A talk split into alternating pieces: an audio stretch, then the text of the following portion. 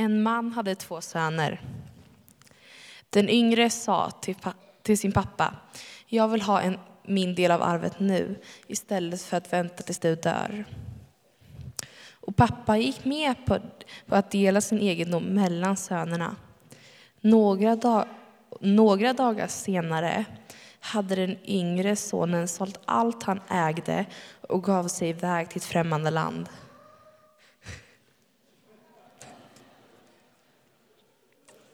Där levde han vilt och, ett vilt och omoraliskt liv och gjorde snart slut på alla sina pengar.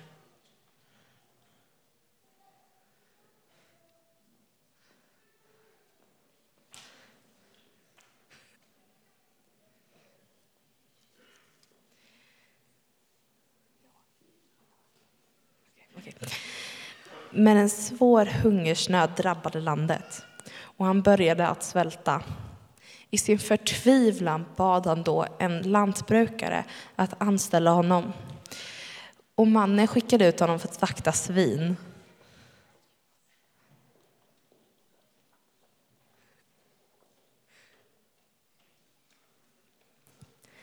Till slut var han så hungrig att han längtade efter att få äta av svinens mat, men ingen gav honom något. Då insåg han äntligen hur dum han varit och sa till sig själv. Hemma hos pappa har de anställda mat i överflöd och, där håller jag, och här håller jag på att svälta ihjäl. Och så gick han tillbaka hem till sin pappa.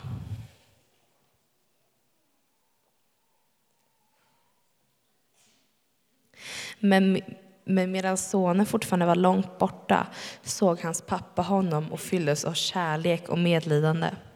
Och han sprang emot sin son och kramade honom och kysste honom. Sonen utbrast. Pappa, jag har syndat mot Gud och mot dig. Jag är inte längre värd att kallas din son. Men hans pappa sa till tjänarna, skynda er, ta fram mina finaste kläder och sätt på honom dem. Sätt en ring på hans finger och skor på hans fötter. Hämta sedan gödkalven och slakta den så att vi kan äta och ha en stor fest. För min son var död, men är levande igen. Han var förlorad, men har kommit tillbaka till mig. Och så började festen.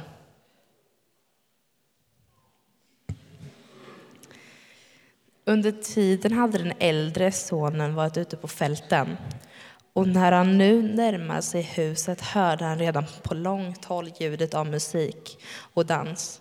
Förvånat frågade han en av tjänarna vad det var man firade. Tjänaren svarade, din bror har kommit tillbaka och din pappa har slaktat gödkalven och ordnat med en stor fest för att fira att han kommer tillbaka välbehållen. Då blev den äldre sonen rasande och ville inte gå in i huset. Hans pappa gick därför ut och försökte övertala honom att komma in.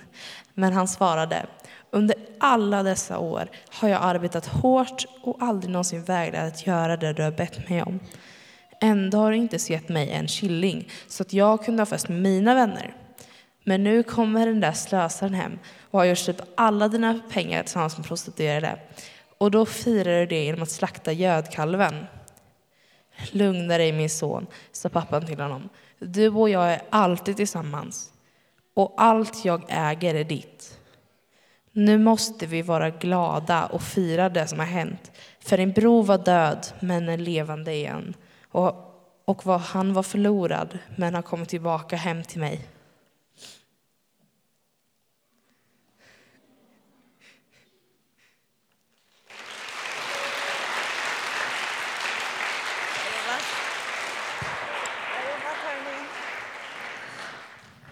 Hur många här har hört den här berättelsen? Hur många här har hört den mer än två gånger? Ja, tänkte väl. Men den är en riktigt bra berättelse tycker jag. Ehm, jag vill fokusera lite på pappan i den här berättelsen. Ehm, för det visar väldigt mycket hur eh, Gud tänker om oss, hur han älskar oss och hans nåd för oss. Um, Ni ser ju att sonen hade bestämt sig att han ville ha pengarna nu, det som han skulle få sen när hans pappa eh, skulle dö. Hur många här, liksom, när det är er födelsedag eller det är jul, ni bara längtar till att öppna era presenter? Jag vet att jag blir jättepirrig och man undrar vad det är. Är det det jag önskade mig? Eh, så man kan förstå hur sonen ville ha pengarna nu och vill inte vänta tills hans pappa skulle dö. För jag tror då, då levde de väldigt länge också. Flera hundra år. Eh, jobbigt. Eh, men så han ville, han ville få pengarna och sen bestämde han att han skulle slösa bort det och leva omoraliskt och göra det han vill. Um, och även smutsa ner hans pappas namn, hans namn, familjens namn. Um, vilket var inte bra. Um, och sen blev han väldigt deprimerad, såg hur han hade inget, han var helt ensam. Och han eh, försökte komma på ett sätt att övertyga sin pappa att han var värd att komma hem, att han kunde vara hans tjänare hemma och hjälpa till i huset och eh, med djuren och sånt. Um, men eh, sonen var jättelångt borta innan eh, och pappa såg honom redan från långt håll. För då tänker man kanske, pappan satt utanför huset typ varje kväll. Han kanske satt där i flera månader, kanske flera år. Eh, hans grannar trodde säkert att han var lite galen och bara slösade tid på att vänta utanför huset, vänta på sin son som hade lämnat honom och tagit all hans pengar. Eh, men ändå så tyckte han att det var värt det, för han älskade sin son, han ville inte ge upp. Eh, han tyckte att ja, det här var personligt, att det handlar inte om politik eller lag eller det man borde göra. Eh. Sonen, han försöker hitta hem. Eh, Om man tänker liksom, de hade inte Google Maps då och de gick liksom med sandaler och han hade liksom jobbat med svin. Han var jätteäcklig och svettig och luktade jättemycket och hade inte ätit mycket. Han behövde hitta hem. Eh, och han har aldrig varit så långt hemifrån förut så han gick säkert vilse några gånger för att försöka hitta hem. Uh, och sen ser pappan honom från långt håll och bestämmer sig att springa. Och så har jag hört också i Mellanöstern, i deras kultur då, männen brukar inte springa. Det var väldigt opassande, speciellt för en man som är i det sociala grupp som han var i. Eh, det var väldigt opassande. Det var inte vanligt att en man skulle springa efter någon eller springa överhuvudtaget. Men han sprang efter sin son för han var så glad att se honom. Och han kramade om honom även om han var jättesmutsig och äcklig och luktade säkert bajs och kiss och allt möjligt. Alltså han luktade säkert jätteilla. Men ändå så kysste pappan honom och älskade honom och var så glad att han eh, kom hem. Och så börjar sonen försöka berätta liksom att jag är en syndare, jag har gjort så dåliga saker, jag är en dålig människa. Men innan han kan liksom komma till något så pappan bara, jag är så glad att du är hemma, vi ska fira, eh, vi ska ha fest tillsammans. Och det är liksom så Gud ser på oss. Han är så glad när vi kommer till honom.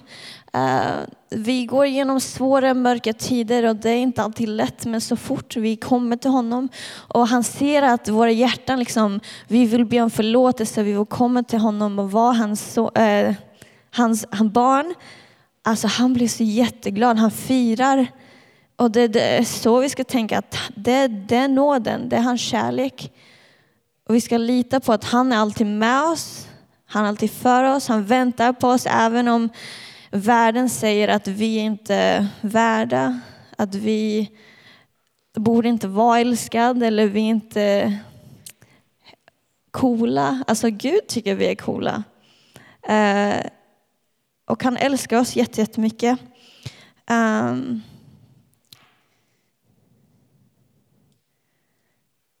så det spelar ingen roll vart vi kommer ifrån, vi ska komma till Gud. Och jag tänker nu vi kan ta lite tid med lovsång och bön. Och um, ni har ju möjlighet att böja inför korset här. Uh, vi har ljusträdet om ni vill uh, tända ett ljus.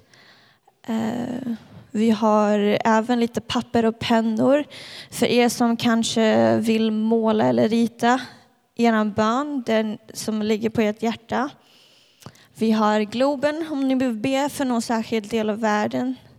Och vi har även eh, en tavla med olika platsbilder eh, på Linköping och sen en lapp där ni kan också skriva ett namn eh, på någon som ni vill be lite extra för.